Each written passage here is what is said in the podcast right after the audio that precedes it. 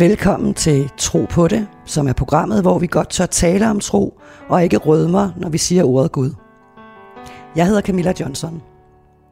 Til daglig arbejder jeg med at hjælpe mennesker, der har brændt sig på sekterisme og religion. Jeg er foredragsholder og forfatter, og nu også radiovært. Jeg har selv oplevet troskriser, hvor intet gav mening, og hvor Gud føltes millioner af lysår væk. Jeg vippede på kanten til helt at give slip på troen, fordi jeg ikke kunne se eller finde Gud i det mørke, jeg var i. Jeg var i en dyb livskrise, efter jeg brød med en radikal kristen sekt for 13 år siden. Jeg havde to muligheder. Enten at forlade troen helt, eller åbne mig selv op for at se troen og Gud på en helt ny måde. Den rejse er jeg stadig på, og jeg er meget spændt på at tale med mine gæster om deres tro, efter den har været igennem en krise. For hvordan reagerer vi i livskriser? Skælder vi ud på Gud? Mister vi troen? Bliver den stærkere? Ændrer den sig? Det er det, som jeg er optaget af i min sæson, at tro på det. I dag er min gæst Christine Valsø, og vi sidder her i din hyggelige lejlighed i Rødovre. Ja. Du er cafémedarbejder, Yes. 29 år gammel, Mm. og tusind, tusind tak, fordi at øh, du vil øh, have besøg af mig i dag. Selvfølgelig, det er så hyggeligt, du vil komme. Jeg er jo meget spændt på at snakke med dig. Ja, i lige måde. Ja, og jeg, øh, jeg hørte jo om dig første gang, Christine, da jeg så en dokumentar med dig, Mm. Som hed Homohelbredelsen. Ja. Ja, og så kontaktede jeg dig bagefter, fordi jeg synes, du var så super sej, og det var øh, et meget rørende program, der netop handlede om din tro på Gud, og en kamp omkring din seksualitet. Mm. Og det skal vi komme meget mere ind på Ja. lidt senere. Yes. Så øh, i dag, der skal vi jo tale om det her med, når troen kommer i krise. Når livet ikke lige går efter bogen. Hvordan var det, Christine, at du selv fik troen ind på livet? Jamen, jeg er jo vokset op i en kristen familie og i et frikirkemiljø, så jeg føler jo et eller andet sted, at troen altid har været der. Øhm, jeg husker det ikke som noget, der lige pludselig er blevet introduceret. Det har bare været sådan en naturlig del af min opvækst. Og var det en positiv, et, positivt tilskud til en barndom? Var det en god ting? Var det trygt og rart, eller var det udfordrende?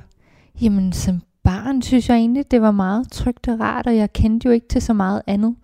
Øh, Jeg gik også på en kristen friskole øh, og i en kirke og om, omgås oftest med, med kristne, så det var jo lidt bare en naturlig del af min, min barndom, men meget trygt og positivt, ja, og bestemt også altså inden for familien noget enormt smukt og opmuntrende, øh, synes jeg. Øh, I hvert fald det, sådan var det meget i min familie, noget vi, vi brugte for at opmuntre og støtte hinanden, og, og, og nogle gode værdier, vi ligesom kunne, kunne dele med hinanden, helt klart. Kan du huske, hvornår at troen sådan blev personlig? Hvornår du selv begyndte at tro på Gud og Jesus? Mm, det, det er svært at sige, for der har været lidt forskellige momenter i, i min ungdom, hvor jeg sådan har skulle gribe fat på egen hånd, og, øh, og selv har skulle, skulle finde fodfæste i, i min tro, og, og, og tage stilling til, hvad det er, jeg har lært, og hvad det er, jeg har hørt, ud fra hvad, hvad jeg føler, og hvad, hvad min forstand siger. Øhm, så det var nok først, da jeg, da jeg stod på, på egen hånd med min tro, at den sådan blev personlig, jeg skulle tage stilling til, er det noget, jeg skal tage med mig videre, eller er det noget, jeg ligesom lader ligge som en del af, af min, min opvækst og min baggrund. Og det, det var først, øh, da jeg startede i gymnasiet. Okay, Øhm, og hvad skete der der? Jamen, der, der, jeg kom jo lige fra en kristen friskole til et, et helt almindeligt gymnasie, hvor øh, jeg lige pludselig ikke var omringet af andre kristne mennesker, og øh, ikke nogen kristne undervisere, og lige pludselig var jeg klassens kristne pige, altså den eneste øh, i den klasse, som gik op i min tro. Øhm, og det udfordrede mig en hel del, øh, fordi nu, nu skulle jeg jo stå på min egen ben, og kunne ikke rigtig læne mig op af nogle andre, og skulle selv ligesom finde ud af, hvor jeg stod, også i forhold til, til alle de nye perspektiver, jeg blev introduceret for øh, blandt mine klassekammerater. Og Og hvad var det for nogle nye perspektiver? jamen, jeg blev pludselig klar over, at der findes mange mennesker derude, som tror på alt muligt andet, og som ikke tror, og øh, som har øh, andre forskellige syn på kristendommen og på Gud og, og på det at tro. Øh, så det, det satte gang i, i en masse refleksion omkring, øh, hvad, hvad jeg ligesom vidste på forhånd, og hvad jeg tror på, og ligesom, ja, hvad, hvad jeg så der skulle vælge at, at hvile i. At tage, det var sådan lidt en identitetskrise på en måde i forhold til min tro der. Øh, at jeg skulle finde ud af det. Er det noget, jeg vil holde fast i? Eller, eller er der nogle andre synspunkter, jeg kan lade mig inspirere af og, og, og tage fat i i stedet? Så det blev din personlige vej, kan man sige. Du, den ja. tog, tog du der i gymnasietiden. Ja, det synes ja. jeg, ja. ja. Og, og hvordan oplevede du din tro? Blev, hvordan øh, oplevede du, at folk mødte din tro? Blev du, blev du respekteret? Blev du udfordret? Blev du drillet? Øh?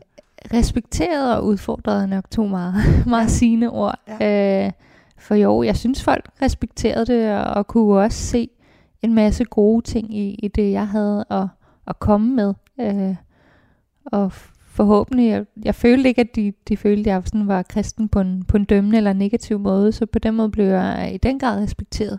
Men jeg blev også i den grad udfordret på, på mine perspektiver og, øh, og min holdning og alt i forhold til, til skabelsen, og hvad, når der står det, og når der står det, og hvad tænker du om det, og mange spørgsmål ret konkret til, til det teologiske også, som jeg pludselig skulle forholde sig til. Jeg forholdt mig til på, på en ny måde, som jeg måske ikke havde havde tænkt så meget over før, som bare havde været en selvfølge. Men sådan er det jo bare, og lige pludselig står der en masse mennesker, der tænker noget helt andet og siger, hvad, hvordan kan du mene det? Mm. Øh, så det er det blevet ret udfordrende og konfronterende, øh, men også på en, på en spændende måde, synes jeg. Så du står ved en korsvej på en måde. Enten så skal du øh, forlade din forældres mm. tro, den barnetro, mm. og finde en anden vej, men du vælger den vej. Du vælger troens vej. Yes, ja. jeg holder fast. Og ja, det er stadig fast. det, der giver, der, der, der gav mest mening for mig på det tidspunkt. Ja. Øhm, selvom jeg synes også, at min tro blev mere nuanceret. Øhm, og også en forståelse af, af den diversitet, Gud har, har sat i verden.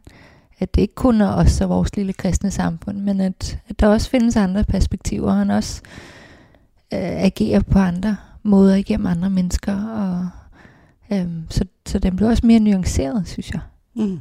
Øhm, men jo, jeg holdt helt klart fast i troen, og, og det gav ingen mening for mig at skulle slippe min overbevisning på en Gud, som altid havde været der. Nej. Og lige pludselig skulle sige, nu er han der ikke længere. Altså, det var mere en skillevej i forhold til, om vil jeg så vælge at gå ned ad den, den vej, han ligesom viser mig. Øhm, Hvad mener du med, hvad den vej, han viser dig?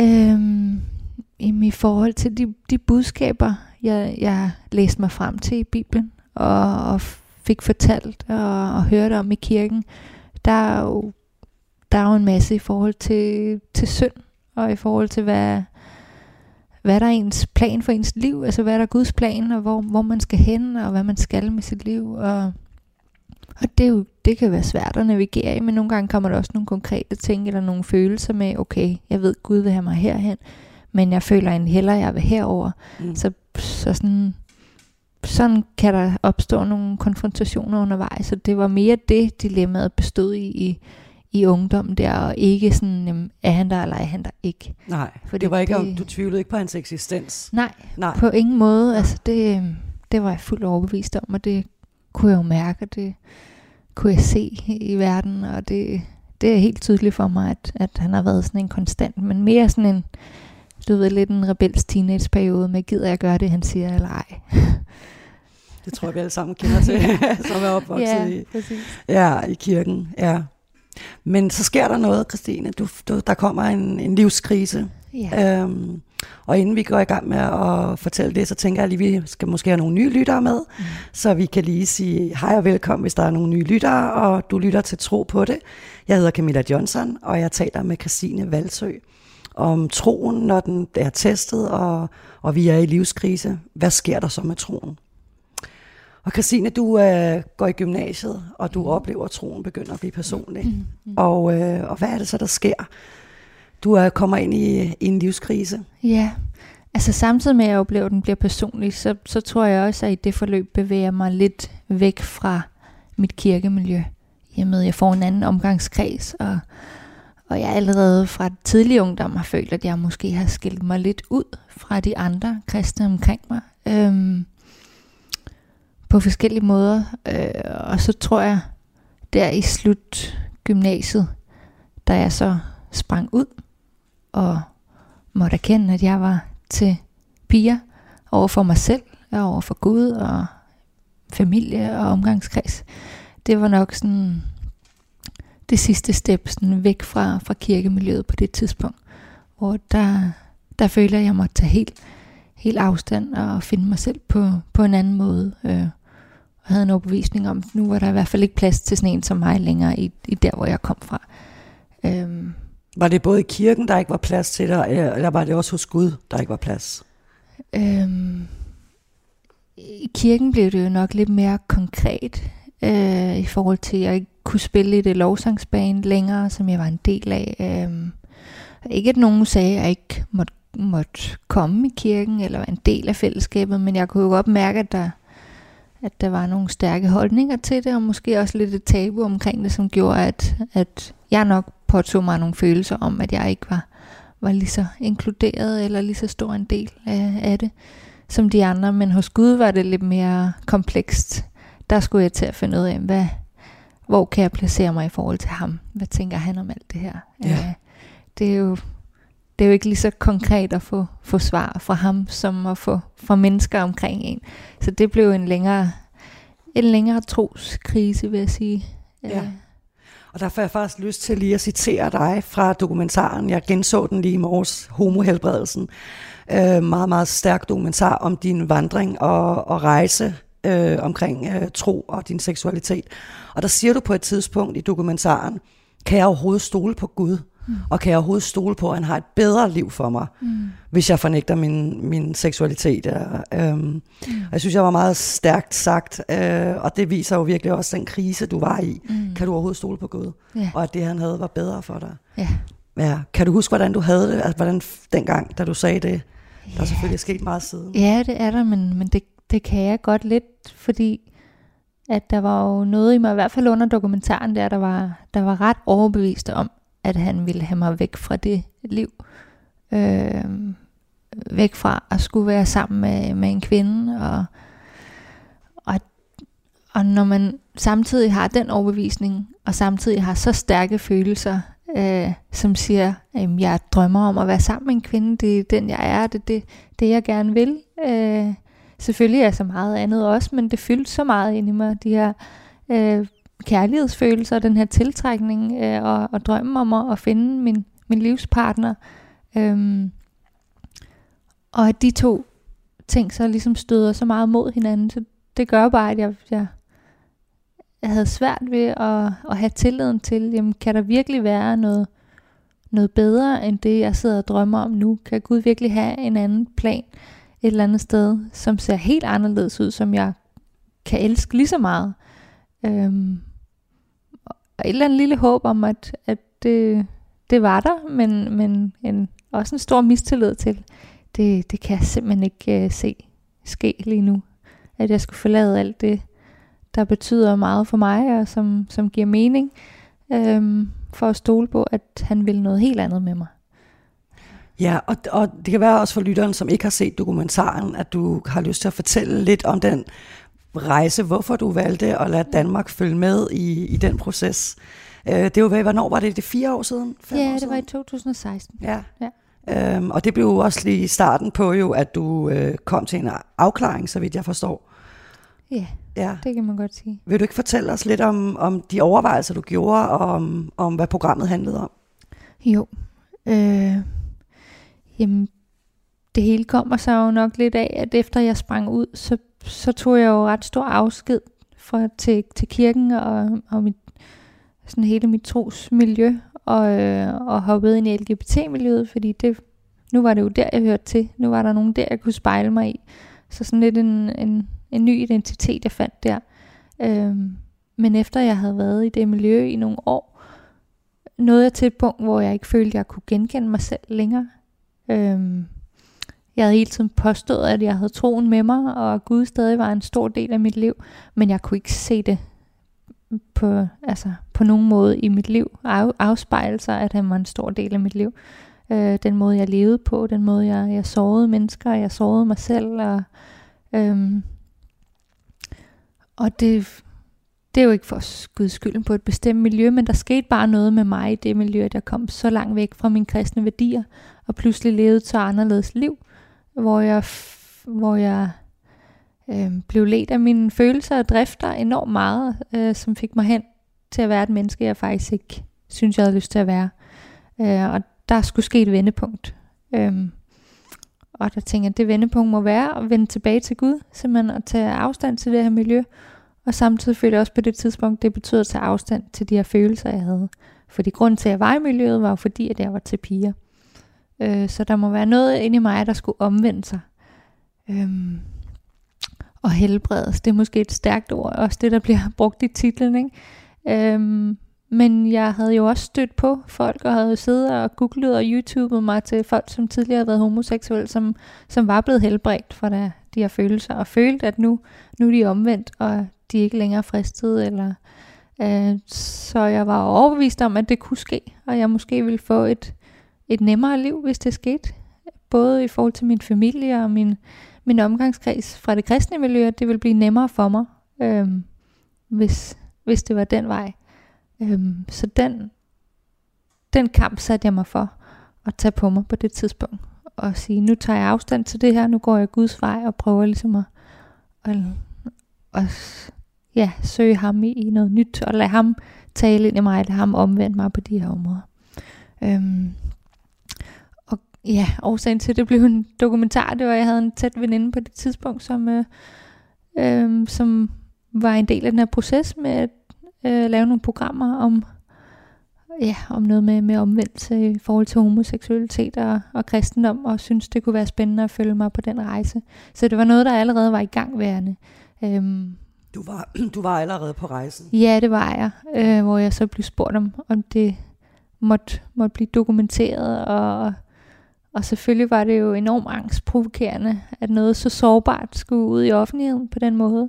Men jeg havde også samtidig følt, at det havde været så stort et tabu inde i, i kirken, at nu synes jeg, der skulle brydes med det her tabu. Fordi jeg var jo begyndt at komme tilbage i kirke, øh, mens jeg battlede med det her øh, lidt ind i miljøet, lidt ud af miljøet, og, og ønskede jo at få noget hjælp og noget støtte til det, men man blev ikke, altså, der blev ikke talt om det. Så det var lidt sådan et, okay, jeg, jeg vil gerne have det ud i offentligheden, fordi det her tabu skal brydes, både for mig og for mange andre, som, som kæmper med, med de her følelser. Øhm, og måske samtidig også, fordi jeg tænkte, så, så kan det holde mig selv oppe på min beslutning. Mm. At nu er det ikke bare Nå, nu faster jeg for chokolade i en måned, men, men ingen ved det. Altså sådan, nu, nu ved alle, at, at jeg gør det her, og så er jeg nødt til at, at ligesom følge lidt til dørs. Det er godt nok sejt. det er hardcore. ja. Men du brød jo virkelig et tabu. Øh, og som, som jeg sagde tidligere, så kontaktede jeg dig jo efter, jeg havde set øh, programmet og sagde til dig, at jeg synes, du var mega modig og sej. Altså, det, er jo, det var sårbart at kigge på, og det, jeg må indrømme, det, det ramte mig dybt, for jeg har jo også mødt i, i min egen opvækst den her fordømmelse over for homoseksualitet. Øhm, og, øh, og det har altid været et tabu. Og så går du bare ud og ikke, altså, og viser både din, din egen, hvad kan man sige, kamp med Gud, men du afslører jo også lidt af tilstanden i kirkerne mm. i virkeligheden. Øhm, mm. Hvordan oplevede du responsen efter programmet? Specielt fra kirken og de kristne? Ja, det var jo interessant, fordi en ting er at bryde tabuet ind i, ind i kirken i forhold til homoseksualitet. Det, det var der i den grad brug for på det tidspunkt. Men der blev jo også brudt med et tabu i LGBT-miljøet i forhold til ja. at være kristen, og måske ikke at ønske at udleve følelserne. Så der var lidt to spor af det, og også på den måde to meget forskellige reaktioner efterfølgende.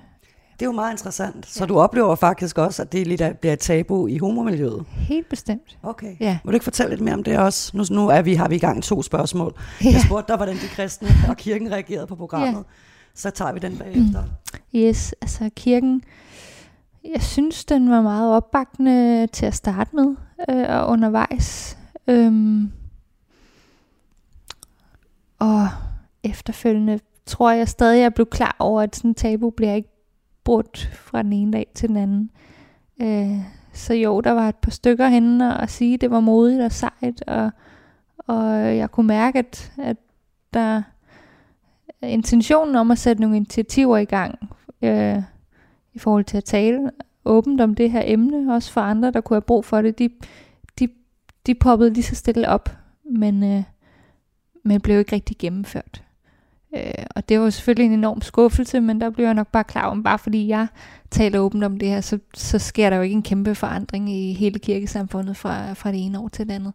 Øhm, men, men lidt skete der, og lidt er jo også godt, og det var jo en start, at, mm. øh, at nogen turde sætte ord på det, og nogen turde spørge ind til det. Øh, så det, det var enormt dejligt, og det gjorde jo rigtig meget ved min familie og, og mit, min kristne øh, omgangskredsen helt tæt på mig, udover det kirkelige, øh, som gjorde, at det blev meget nemmere at tale om. Både når det var svært og når det var nemt, men at det ligesom bare det hele kom ud på bordet. Ikke? Fordi, Fordi du vidste 100% hvordan det var. Der ja, var ikke mere... det blev så offentligt. Mine, mine tanker, mine følelser, det hele blev ligesom lagt derud. Så, så det var især i min familie enormt dejligt at mærke, at, at øh, der var interesse for at, at tage det til sig, og lytte og stille spørgsmål, og prøve at forstå, hvordan jeg egentlig havde haft det i den periode, og, og hvordan vi lige kunne finde hinanden igen. Øhm, både med dem, jeg var enig med, men også i dem i min familie, jeg måske var uenig med. Altså hvordan vi ligesom kunne tale om de her ting på en kærlig og respektful måde. Ikke? Wow, ja. ja. Det er ret stærkt, ja, at der kommer det, den frugt ud af det. Helt Fordi sikkert. Man kan sige, det en ting er, hvordan omverdenen reagerer, men det ja. vigtigste det er jo vores eget fundament, ja. og familie og venner. Ja, og der er jeg bare så stolt af at have den familie, som jeg har, fordi at vi, vi er så gode til at tale om sådan nogle ting. Um, I kan godt være enige om at være uenige. Ja, det kan vi, og, og der er ikke så mange tabuer, og vi er ikke, vi er ikke bange for, for de store og de, de hårde emner. Um, så det, det var dejligt at mærke, at der blev åbnet lidt mere op der i hvert fald. Mm. Mm. Og så oplever du øh, det her med, at det faktisk også er et tabu i homomiljøet. Skal ja. du prøve at komme tilbage til det? Ja, og det var nok også en, en grund til, at jeg, jeg følte, at jeg måtte, jeg måtte tage lidt afstand til miljøet, fordi det blev, det blev svært at opretholde min, min tro blandt mennesker, der er meget skeptisk over for tro, øhm, over for Gud, og måske har nogle fordomme over for kristendom, men af gode grunde. Det kan jo være, at de er blevet mødt med en masse fordømmelse og, og, og hørt en masse ting, som er svære. Øhm, så jeg forstår jo godt, hvor de kommer fra, men det blev bare svært at opretholde en, en positiv tro. Øhm. Tror du, det, de blev provokeret af, din, at du gerne ville leve afholden?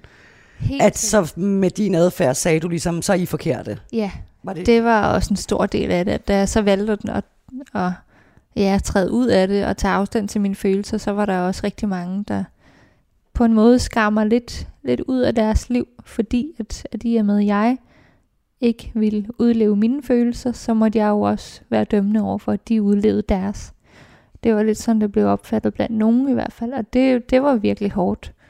Øh, at skulle prøve at forklare, at det er jo ikke det er ikke sådan, det er. Det her det er mig min personlige rejse. Jeg vil stadig gerne øh, dele liv med jer og støtte, støtte jeres øh, liv, øhm, selvom jeg vælger noget andet.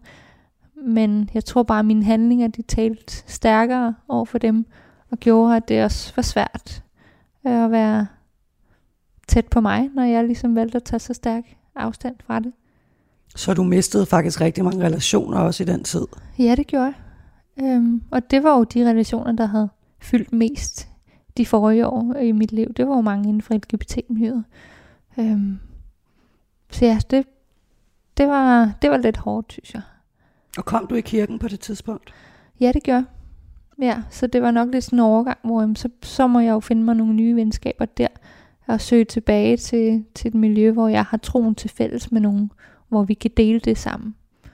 Øhm, ikke fordi nødvendigvis det var, det var det rigtige, eller det var det bedre, men, øhm, men det blev kompliceret at opretholde en relation til nogen, som følte, at jeg gik og dømte dem konstant.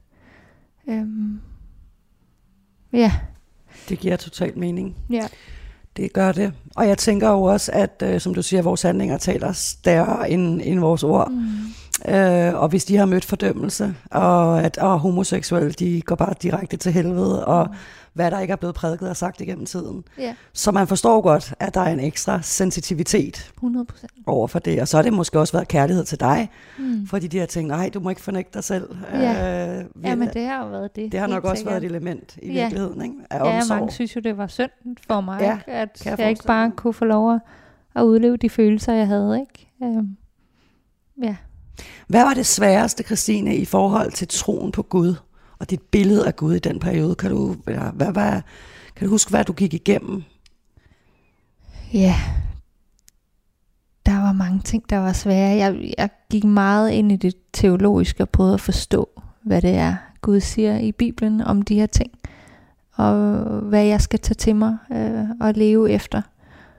Øhm, samtidig med, at jeg, jeg måske ikke er den største bibellæser, og har svært ved bare at sidde med et skriftsted foran mig og forstå det og tage det til mig og gøre det levende. Så jeg har også brug for nogen at tale med, og jeg har brug for at lytte til nogle prædikner om det, og høre nogle vidnesbyrd, og, øhm, og lade nogle stemmer tale ind i mit liv. Og det var nok også det, jeg fik fat i hende, Janet, øh, fra dokumentaren, fordi jeg simpelthen havde... Og hvem var det, hun var? Jamen, hun var ja, jeg vil ikke sige, ikke en prædikant, men hun har en, øh, en hvad man, ministry. Ja. Øh, Janet Tjeneste. Boynes Ministry ja. hedder det, hvor hun hjælper homoseksuelle ud af, af deres følelser, ud af deres livsstil, øhm, som hun selv har været igennem. Ikke? Hun er selv tidligere homoseksuel og, og lever afholdent i dag, ikke? og føler, at hun er blevet helbredt fra det. Så, så hendes opgave går ud på at hjælpe andre med det. Og det var jo lige det, jeg ønskede på det tidspunkt, hvilket er derfor, jeg kom i kontakt med hende. Ikke? Og øh, det var jo øh, et interessant møde, som ja. ikke helt gik som forventet. nej. Nej. Det gjorde det ikke. Nej. Og, øh, for begge du, parter? Nej, for begge parter, ja. ja. Og det var vel også skilsættende i forhold til, hvad fanden vej du valgte, var det ikke det? Møde jo. jo, det synes jeg.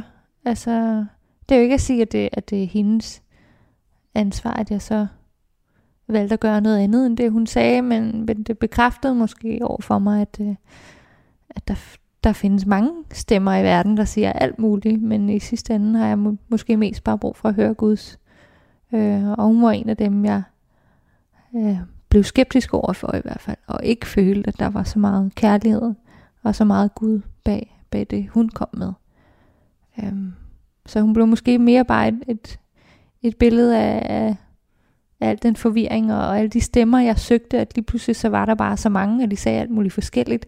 Og til sidst var jeg bare nødt til at lukke det hele ude og sige, nu, nu må det være Guds stemme, jeg, jeg søger og lytter efter. Var det sådan et program, du skulle følge, øh, for ligesom at komme af med din homoseksualitet? Hvad for, hvad for en opskrift havde hun, hvis hun havde en? Ja, hun havde en bog, jeg skulle læse, og også samtidig sådan en lille opgavehæfte med nogle spørgsmål og nogle, nogle ting, hvor jeg skulle ligesom søge dybt ind i mig selv og være ærlig over for mig selv om nogle ting. Og så havde vi jo mange samtaler, så det var mere sådan øh, terapeutisk, eller hvad man kan sige, nogle samtaler, hvor hun prædikede lidt ind i mit liv, og hun stillede mig en masse konfronterende spørgsmål, og, og hun bad mig også om nogle konkrete ting i forhold til at, at slette bestemte billeder på min Facebook, eller bestemte kontaktpersoner og, og venner i, i min kontaktbog. Og Øhm, så, så sådan nogle ting var der også. Øhm, så hun blev sådan lidt en, ja, en kontaktperson, der ligesom hele tiden var der og sørgede for, at jeg, jeg gik den rigtige vej. Ikke? Men, men på en eller anden måde, så det billede, hun havde af Gud, du siger, det harmonerede ikke. Der, det var ikke den kærlige Gud. Så der, der var et eller andet der. I troede ikke helt på den samme Gud? Eller ikke hvad? hendes handlinger i hvert fald. Nej. Og det var derfor, det først blev sværere, da hun kom herover. Fordi først havde vi jo, hun er jo fra USA, og vi havde først haft nogle telefonsamtaler, hvor jeg egentlig havde haft en stor respekt for hende, øh, og set lidt op til hende, og synes hun var enormt sej. Øhm, men det var nok først mødet med hende, der gjorde, at jeg, jeg følte ikke helt, at hendes bredner kunne leve op til den person, hun var, eller sådan hun var over for mig. Øh, jeg havde i hvert fald ikke tillid til hende, da hun var her. Og, og jeg synes, hendes, der var noget i hendes væren øh, over for mig, hendes opførsel, der gjorde, at jeg havde, jeg havde rigtig svært ved at tage de ting, hun sagde til mig, rent personligt. Sagde hun ikke også, øh, Christine, lidt, øh, som jeg hørte det i hvert fald, at, øh, at homoseksualiteten kunne skyldes en dårlig barndom? Jo. Og hun sådan gravede lidt ind i forhold til dine forældre, om det var fordi, de havde svigtet dig, eller mm. din mor havde for dominerende, eller et eller andet. Ja. Øhm, altså hun, hun mente simpelthen, at det, det er afhæng, at det kom fra barndommen. Ja, og det var jo noget, hun selv havde været igennem, som hun måske nemt kunne lægge over på andre, så må, så må der være en forklaring der. Øhm. Og det provokerede dig ret meget, kan jeg huske. Ja, det gjorde det. Du var faktisk nødt til at gå fra Ja, fordi det er sådan et punkt, jeg aldrig har kunne sætte en finger på. Jeg har jo også selv søgt forklaring i mange år om, hvorfor lige mig, hvorfor er jeg til kvinder, hvor kommer det fra. Så jeg har da også selv gravet i min egen opvækst og min barndom, og, og hvad der har været af oplevelser, og hvordan min mor og min far har været. Øhm, men synes aldrig, jeg har kunne sætte en finger på noget. Jeg har haft en dejlig barndom, jeg har haft nogle skønne forældre, jeg er ikke blevet svigtet af nogen af dem. Øh, øhm, så ja, det provokerede mig lidt, da hun så alligevel prøvede at grave i, at der kunne være noget der. Øhm, fordi det synes jeg ligesom, jeg havde afskrevet. Øh, at der, der måtte være en anden forklaring, hvis der overhovedet er en forklaring. Men den ansvaret lå i hvert fald ikke på mine forældre. Nej. Så det provokerede mig meget, at, at fingeren blev peget hen imod dem. Ja, og det er jo også fuldt forståeligt. Det kan jeg virkelig godt forstå. Jeg har lige brug for at sige til de kære lytter derude, at du lytter til Radio 4, tro på programmet Tro på det. Jeg hedder Camilla Johnson og taler med Christine Valsø. Og vi sidder her i din hyggelige lejlighed i Rødovre, hvor du bor med Sia, jeres lille frække teenage på syv måneder, og din kæreste Anne. Ja. Ja, fordi du endte jo faktisk med at holde fast ved din seksualitet, Christine. Det gør jeg. Øhm, vil du ikke fortælle os, hvordan, øh, hvordan processen var efter programmet, mm. og hvad der er sket de sidste par år? Jo, øhm, der gik jo stadig nogle år, inden jeg fuldt ud kunne hvile i at have den seksualitet og, og udleve den. Øhm, så efter programmet var, den, var det stadig et stort kaos, og stadig en stor identitetskrise om, hvor jeg skulle hen, og hvem jeg skulle lytte til, og hvad jeg skulle gøre. Øhm, men det blev nok lidt mere sådan en sorteringsfase i, hvem jeg ikke skulle lytte til. Øhm, og lidt mere fokus på, og, og ja, som sagt at prøve at høre Guds stemme i alt det her. Øhm, og stole på de følelser, han, han giver mig undervejs. Øhm, så det, det blev lidt mere, det blev en anden rejse, end det havde været tidligere, hvor jeg havde været meget afhængig af, af menneskers vejledning. Øhm, så det blev en proces, hvor jeg stille og roligt øh, lyttede til mine følelser og lærte at stole på dem og lukkede Gud tæt ind i mit liv. Og, og stole på, at hvis, hvis de følelser var så forkerte, og hvis de skridt, jeg tog, var så forkerte, jamen så må det være ham, der går ind og prikker mig på skulderen og siger, at jeg skal noget andet. Øh, og det var jeg fuldt ud åben for, overfor.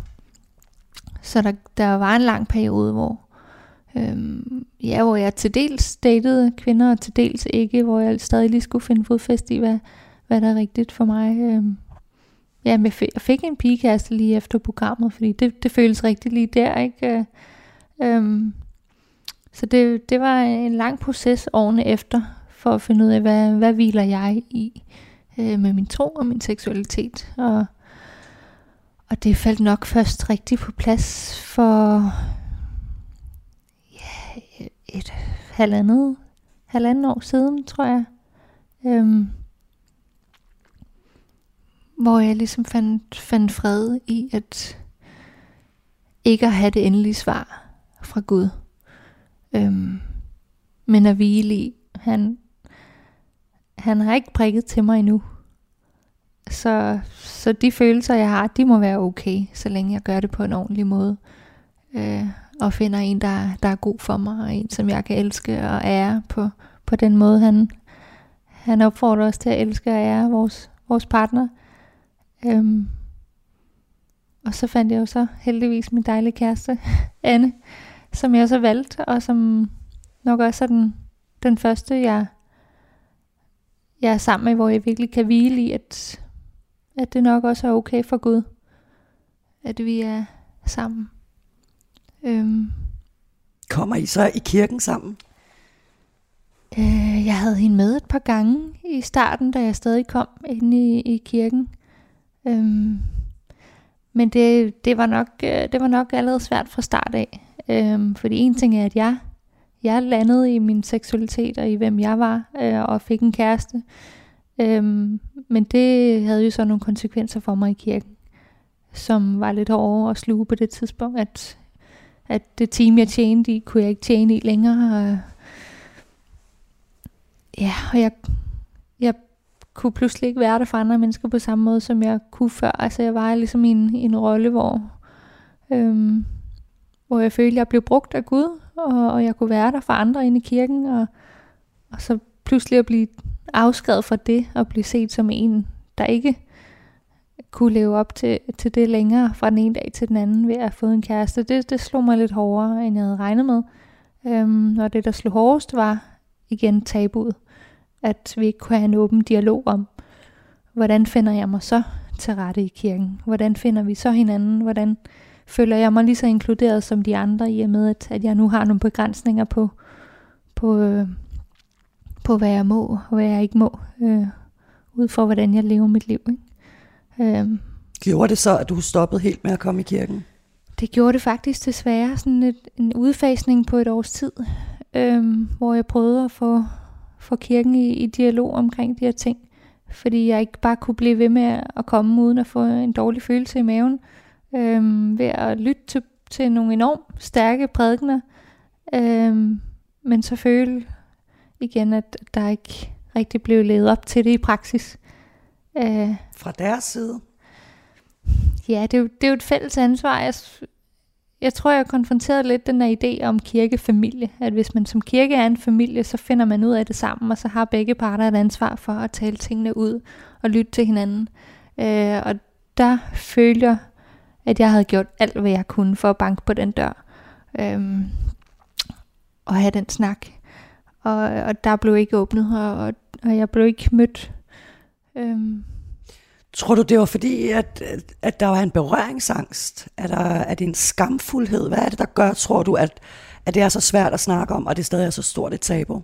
Jeg tror personligt, at der er en kæmpe frygt for, at, at sådan nogen som mig har en agenda om at komme ind og ændre på, på kirkens værdier og holdninger, og det, det de gør derinde. Øhm, der er jo et kirkefundament, der er startet et sted og har, har levet i mange år. Og jeg tror, der er en frygt for, at, at nogle homoseksuelle kommer ind og har lyst til at pille ved det og ændre ved det øh, fundament. Øhm, og det var også derfor, jeg prøvede at gøre det meget klart og tydeligt, at det var ikke mit formål. Jeg elsker kirken, og jeg respekterede den, øh, og respekterer de holdninger, der var. Men vi var nødt til at finde en eller anden mellemvej, hvor vi alle sammen kunne være i det. Ligesom når man i en familie har to forskellige holdninger, man skal lære at leve med hinanden alligevel. Øhm, så der var et fælles ansvar, men, men jeg kunne simpelthen ikke få den snak op at køre. Desværre. Så du kommer faktisk ikke i kirken i dag? Nej, Nej. det gør jeg ikke. Savner du det? Det gør jeg. Savner det rigtig meget. For det har været, kirke har været en del af mit liv øh, altid nærmest. Det savner fællesskabet, lovsangen, prædikende og Åh, oh, det kender jeg godt, det med lovsangen. Ja. Jeg kommer jo heller ikke i kirke. Øh, men lige det der med lovsang og stå og synge sammen, ja. det er der bare noget helt fantastisk. Ja, og det er, jo, det er jo smukt, man kan sætte noget på herhjemme, men det er jo ikke det samme som at stå i fællesskab med, med hundredvis af andre mennesker, der, der lovsynger øh, til den samme Gud. Det, det er der virkelig noget stærkt i. Ja, 100 procent. Mm. Jeg kan godt forstå, at du savner det. Men er din kæreste Anne troende? Ja, øh, på sin egen måde og hun har sin egen proces i forhold til troen. Hun er jo ikke vokset op i en kristen familie, men der er alligevel noget, der betyder noget for hende i, i den retning, som vi taler om, og, og som hun skal finde ud af på egen hånd, men som vi også kan, kan finde ud af sammen. Så må I holde gudstjenester her. Ja, sammen, jeg to. også må Står der ikke, hvor, hvor to eller tre er forsamlet i hans navn, der er han midt i blandt os. Vi beder en lille bordbøn. Og, ja, gør I det? Ja, ja, en gang imellem. Ja. Og et lille vers. Ja, Alle præcis. gode gaver. ja, ja, det... Hvor hyggeligt. Mm. Så, og, øh, og det næste, jeg egentlig sådan, jeg jo er så nysgerrig på, det, og det er vi allerede i gang med at tage fat i, det er jo, hvordan er det med troen i dag? Mm. Når den på en måde jo stadigvæk er lidt i krise, kan man sige det? Mm. Eller i hvert fald, øh, at du ikke sådan er helt lige er, måske er landet endnu? Ja. Øhm, altså jeg er jo nok landet i sådan, at man måske aldrig helt lander. Ja. Og, ja, og kan hvile det bedre nu, end jeg kunne før at der er jo ingen af os, der, der når i mål, eller der finder alle svarene på noget tidspunkt. Og det er måske også okay. Og det behøver vi måske ikke at stræbe efter. Øhm, og det, det er blevet nemmere for mig nu at acceptere. Øh, og som sagt, den der tillid til, hvis jeg virkelig er på, på den, i den gale retning, så, så skal Gud nok prikke mig på skulderen og, og give mig en advarsel. Men ellers så, så gør vi jo alle sammen bare vores bedste øhm, i forhold til, til de informationer, vi har, og, og den vejledning, Gud han giver os. Øhm. Men jeg tror også, at jeg er blevet klar over, min, at min krise nok ikke nødvendigvis kun har haft med, med Gud at gøre, men mest i forhold til mit, min omgangskreds og, og mit syn på, på mennesker og, og kristne, øh, som har været enormt udfordret. Øhm. Og det, det kan jo lyde lidt dømmende. Altså, vi, jo, vi prøver jo alle sammen vores, vores bedste, men jeg har måske sat personligt sat standarden højere for kristne end for andre, i forhold til, at, at når vi, vi har jo en form for sandhed, som gør, at vi jo nok burde gøre tingene bedre. Og der har jeg jo nok blevet lidt skuffet, eller fundet ud af, at det er ikke nødvendigvis sådan, det er. Øhm, vi er alle sammen mennesker. Vi er alle sammen uvidende på nogle områder, og, og kan finde på at sove hinanden og skuffe hinanden, øh, kristen eller ej. Øhm, så det, det er noget, jeg i hvert fald også er blevet klogere på. Ja, fordi, at det, og det var også noget det, vi snakkede om før det her interview, det her mm. med, at du har fået mere fokus på, på kærligheden. Altså på, at, at Gud er kærlighed. Ja. Øh, og det ikke nødvendigvis handler om mennesker. Kan du ikke Ja, og, det? og det medmenneskelige kærlighed er blevet ja. et større fokus for mig end, øh, end holdninger og religiøse overbevisninger. Øhm, fordi de i sig selv er, er ingenting uden kærlighed. Det står der også et eller andet sted i Bibelen, ikke? om jeg så prædiker. Øh, hvis ikke jeg har kærlighed i det, jeg siger, så er det jo tomme ord, så betyder det ingenting. Øhm, så den medmenneskelige kærlighed, den, den prøver jeg at sætte i større fokus. Øhm, Fordi du selv har undværet den, eller manglet den? Det synes jeg, ja, på nogle aspekter, men også når jeg ser tilbage på, hvordan jeg tidligere har været en kristen, og har mødt dem, som ikke var kristne. At, øh, at det bliver en hurtig tendens til at stå fast i, når jeg tror på det her, jeg har den her holdning, jeg har det her synspunkt, og her flytter jeg mig ikke fra. At det, det bliver så så vigtigt et, et holdepunkt, at man glemmer, hvordan man så møder det andet menneske, man taler med. Føler de, at jeg siger det på en kærlig måde? Føler de, at jeg respekterer dem? Og hvis ikke de gør det, så, så nytter det jo ikke noget, jeg står fast der, hvor jeg gør. Så, så tror jeg ikke, Gud han sidder klapper i hænderne og siger, fedt, at du holder fast ved din tro. Fordi for ham er det vigtigst, at vi elsker hinanden. Og hvis det menneske ikke føler sig elsket med det, jeg siger, så er der jo et eller andet, der er gået skævt der. Så det er jo også bare personligt blevet et større fokus for mig, ikke, at, ikke måske at tvivle på mine overbevisninger, men, men formidle dem på en anden måde. Eller først at sætte sig ind i, hvor er det andet menneske henne, før jeg, før jeg åbner munden. Og det er selvfølgelig også noget, jeg selv har, har ønsket at blive mødt med. Øhm. Kærligheden før troen. Ja. Yeah. Menneske før religionen. Ja, ja. præcis. Mm. Ja, netop fordi Gud, han, han er kærlighed, og det er en af hans største... Øhm, det er jo det, han vejleder os til at elske hinanden. Det er jo det allerstørste bud. Øh, så ser han jo så meget andet, og så har han fået en masse mennesker til at skrive en masse ting ned, som jo også betyder noget, men størst af alt ønsker han jo, at vi, vi elsker og, og respekterer hinanden. Ikke? Jeg var lige ved at sige amen. Det er fuldstændig rigtigt. jeg elsker det. Det er også den Gud, jeg tror på. Mm. Fuldkommen kærlighed, og vi fatter ikke en skid. Yeah. Nej, jeg må ikke sige skid i radioen. Øhm, Christine, har du et godt råd til folk, der går igennem en livskrise? Og hvor troen vakler, hvor de tænker, hvor i alverden er du henne, Gud? Mm. Det, du er ikke den, jeg troede, du var, eller de måske overvejer at smide det hele ud, eller har du noget, du kan sige til dem? Ja, jeg tænker lidt over det der med, hvorfor man har brug for at smide det hele ud. At det er måske ikke nødvendigvis på grund af Gud, men igen, på grund af, hvordan nogle mennesker har opført sig over for en, eller ja, handlet i Guds navn, eller repræsenteret Gud på en, på en ærgerlig måde. Så for mig har det været meget vigtigt de sidste par år at skille Gud ad fra mennesker. At sige, Gud er en ting, mennesker er noget andet. Øhm, og vi mennesker, vi er skabt helt fantastiske og smukke og unikke, men også øh, med fejl, og vi kan finde på at sove hinanden, og og vi kan tro, vi gør det rigtige, men uden at gøre det. Og sådan er Gud bare ikke. Han, han er jo en stor bombe af kærlighed, og gør jo ikke, ikke noget for at sove os. Og, og det er vi simpelthen nødt til at skille ad, at selvom du bliver mødt af et kristent menneske, som måske repræsenterer Gud, så, så er det stadig blot et menneske, som aldrig fuldkommen kan leve op til de værdier, man måske prædiker. Og det er der ingen kristne, der kan. Det er der ingen kirker, der kan. Det har været vigtigt for mig at adskille, for måske at, at spare mig for, for skuffelser. Og noget, jeg måske også kunne, kunne give videre til andre, men spare sig selv for en masse skuffelser ved at, at adskille Gud fra mennesker. Ja, den erfaring har jeg også gjort mig. Ja, præcis. Fuldstændig. Det er ja. det, der gør, at man kan tage troen, og man kan tage Gud med videre, selvom man bliver såret, selvom man bliver trådt på og udstødt, og, og hvad, der, hvad man skulle øh, være ude for. Øh, fordi det er jo mennesker, der gør de ting. Det er jo ikke Gud. Hvad nu, hvis man bliver ramt af sygdom, eller ens barn er ramt af sygdom, eller ulykke, katastrofe, mm. noget, som ikke er menneskeligt? Har du noget, nogle gode råd til mennesker, som går igennem sådan nogle svære situationer, hvor man tænker, Gud, hvordan kan du tillade det her? Det er et rigtig godt spørgsmål. Det synes jeg også selv har været en af de, de største kriser, jeg har været i med, med Gud, og en af de største diskussioner, jeg har haft med Gud, det er jo og så have, have mistet en tæt på, hvor det absolut ikke gav mening, og hvor det ikke var, var tid. Øhm, og hvor det hele bare virker meningsløst. Øhm, men alligevel synes jeg, at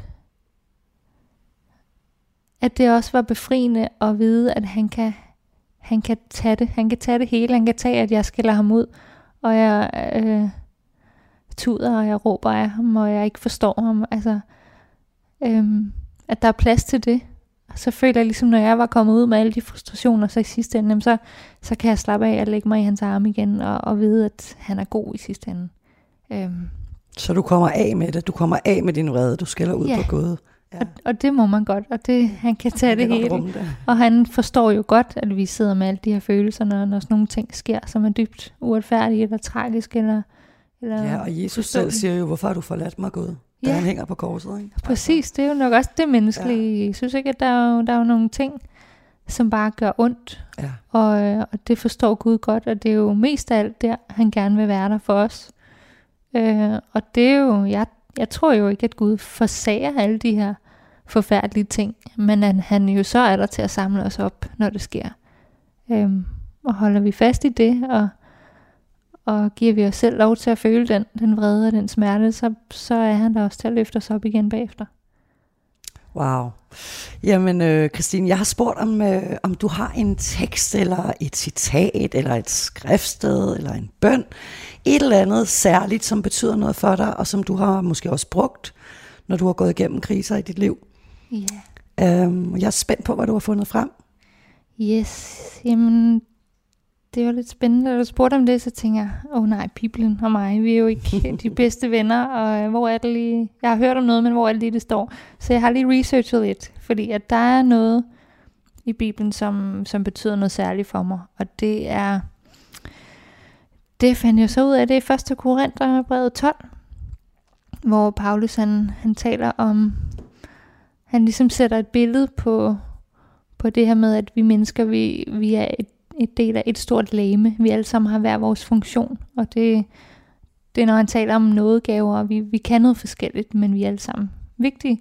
Og det synes jeg bare, det er et ret smukt billede, det her med, at, at øh, øjet kan ikke komme og sige, at øh, foden ikke er vigtig, eller der er ikke nogen, der kan undvære hinanden. Øhm, og der er to ret fede ting i det her, synes jeg. Jeg kan lige prøve at læse noget af det højt her. Øhm, ja, lige efter han har sagt det der med, at vi ikke kan undvære de forskellige dele, så siger han, øhm, skal jeg lige finde det her, så siger han tværtimod, de dele af vores læme, som synes at være de svageste, er i virkeligheden de mest nødvendige. De dele af vores læme, som vi synes er mindre ærefulde, behandler vi med den største ære, og de læmestille, vi generer os for at vise frem, sørger vi for at holde skjult under tøjet. Det har de andre dele af vores læme ikke brug for. Gud har altså fået læmet sammen på en sådan måde, at de dele, der naturligt, naturligt holdes i baggrunden, bliver vist en særlig ære og omsorg. Det er for, at der ikke skal være splittelser i læmet. Så kommer der en anden del af det her, der siger, at de enkelte dele af læmet skal have lige stor omsorg for hinanden, som de har for sig selv. Hvis en del lider, så lider alle de andre lægemesdel også. Og hvis en del bliver hedret, så glæder de andre dele på lægemet sig også. I udgør altså til sammen Kristi læme, men hver for sig er I kun en del af det. Wow, ja. Det havde jeg helt glemt, det skriftsted. Ja. Det er faktisk et meget, meget smukt billede. Ja, og der, der er to ting i det, jeg synes, der er super vigtigt. Det er både det der med, at vi, vi har alle sammen lige stor værdi. Vi er alle sammen øh, vigtige. Der er ikke nogen, der kan undværes. Øh, og det er jo både, når man tænker på inden for kirken, men også bare hele menneskeligheden, at, at Gud ser simpelthen noget unikt og noget uundværligt i os alle sammen. Og samtidig synes jeg, der, at der er noget i det her med, at at dem, øh, dem vi udser for at være de svageste, de er måske dem, der fortjener størst respekt. Øh, og der kan jeg jo ikke lade være med at tænke på nogle af de marginaliserede grupper i vores samfund, som blandt andet LGBT. Øhm, og og det, det har måske ramt mig lidt personligt, øh, og, og jeg kom i tanke om det, fordi jeg sad og læste i sådan en bog her, der hedder Building a Bridge, skrevet af en katolsk præst, som gør et forsøg på at bygge en bro mellem kirken og LGBT-miljøet, som jeg jo synes er super smukt, og virkelig også en rejse, jeg gerne vil være med på og, og tale, tale for helt bestemt. Og han nævnte det jo netop for at, at argumentere for, at, at selvom LGBT-folk i kirkerne måske er blevet marginaliseret lidt, så er det måske i sidste ende dem, der, der fortjener øh, stor ære og stor respekt, og, og burde øh, værdsættes for det, de kan byde ind med. Netop fordi de er lige så stor en del af lægemet som, som resten af kroppen, men måske de er dem, der bliver gemt lidt væk. Ja, og er blevet udskammet igennem Ja. ja. tiden og sæt ned på. Og, Og det synes jeg var lidt interessant at holde op imod øh, mod det her vers, at de, de kan blive anset som de svageste, eller gemt lidt væk, fordi de måske har en livsstil, som mange i kirken ikke støtter op omkring, men måske er det så dem, Gud i sidste ende siger, at vi skal give mest ære til, og vi skal respektere allerhøjst. og, øh, du, og du mødes jo faktisk med nogle andre homoseksuelle fra kirken. I har en, en gruppe, hvor I mødes, så, og du har dialog med andre, som har gået igennem de samme processer som dig selv. Mm-hmm. Vil du sige lidt om det? Og det bliver det sidste spørgsmål her, så Ja. er tiden ved at være løbet. Yes, jamen vi havde noget, vi kaldte en sovegruppe, hvor vi havde et forløb med en præst, der tog det initiativ til at samle os og lytte til vores erfaringer, vores historier, vores følelser, hvor vi er nu, hvad der er svært og hvad, øhm, hvad vi måske kan have til fælles af, af sorg, hvad angår vores tro og vores homoseksualitet. Så det var en præst, der gav et rum Yes, for den både tro og jeres seksualitet uden Fuldstændig. fordømmelse. uden at det skulle gå i nogen bestemt retning, eller uden vi skulle være det samme sted, eller tro på det samme. Vi sad jo, og, og nogen udlevede deres seksualitet, andre gjorde ikke, øh, og var vidt forskellige steder, men der blev bare givet rum til, at vi kunne sætte ord på det, der var hårdt, og, og de ting, vi måske er blevet fortalt i kirken, som har gjort mest ondt. Øh, og så blev mødt af en præst, som, som bare gav rum til det, og samtidig prædikede kærlighed ind i os. Det, det var enormt smukt, og inspirerede smukt. mig en del. Så vi er i gang med at bryde tabuet, og kirken så småt, og du er i hvert fald en af dem, der har taget et ordentligt spadestik. Tak for det, Christine. Du er Tak. stadigvæk en held i mine øjne. Du er super sej. Der sker lidt. Det er og virkelig dejligt. Jeg vil bare ønske dig alt godt med din fremtid og din lille familie her, og tak i fordi du ville snakke med mig. Jamen tak, det var enormt hyggeligt. Det var Spændende. det i hvert fald. Mhm. Og øh, det, jeg vil bare sige tak for i dag til lytterne derude, og øh, vi ses igen, eller det gør vi ikke, men vi høres igen næste lørdag. Hej.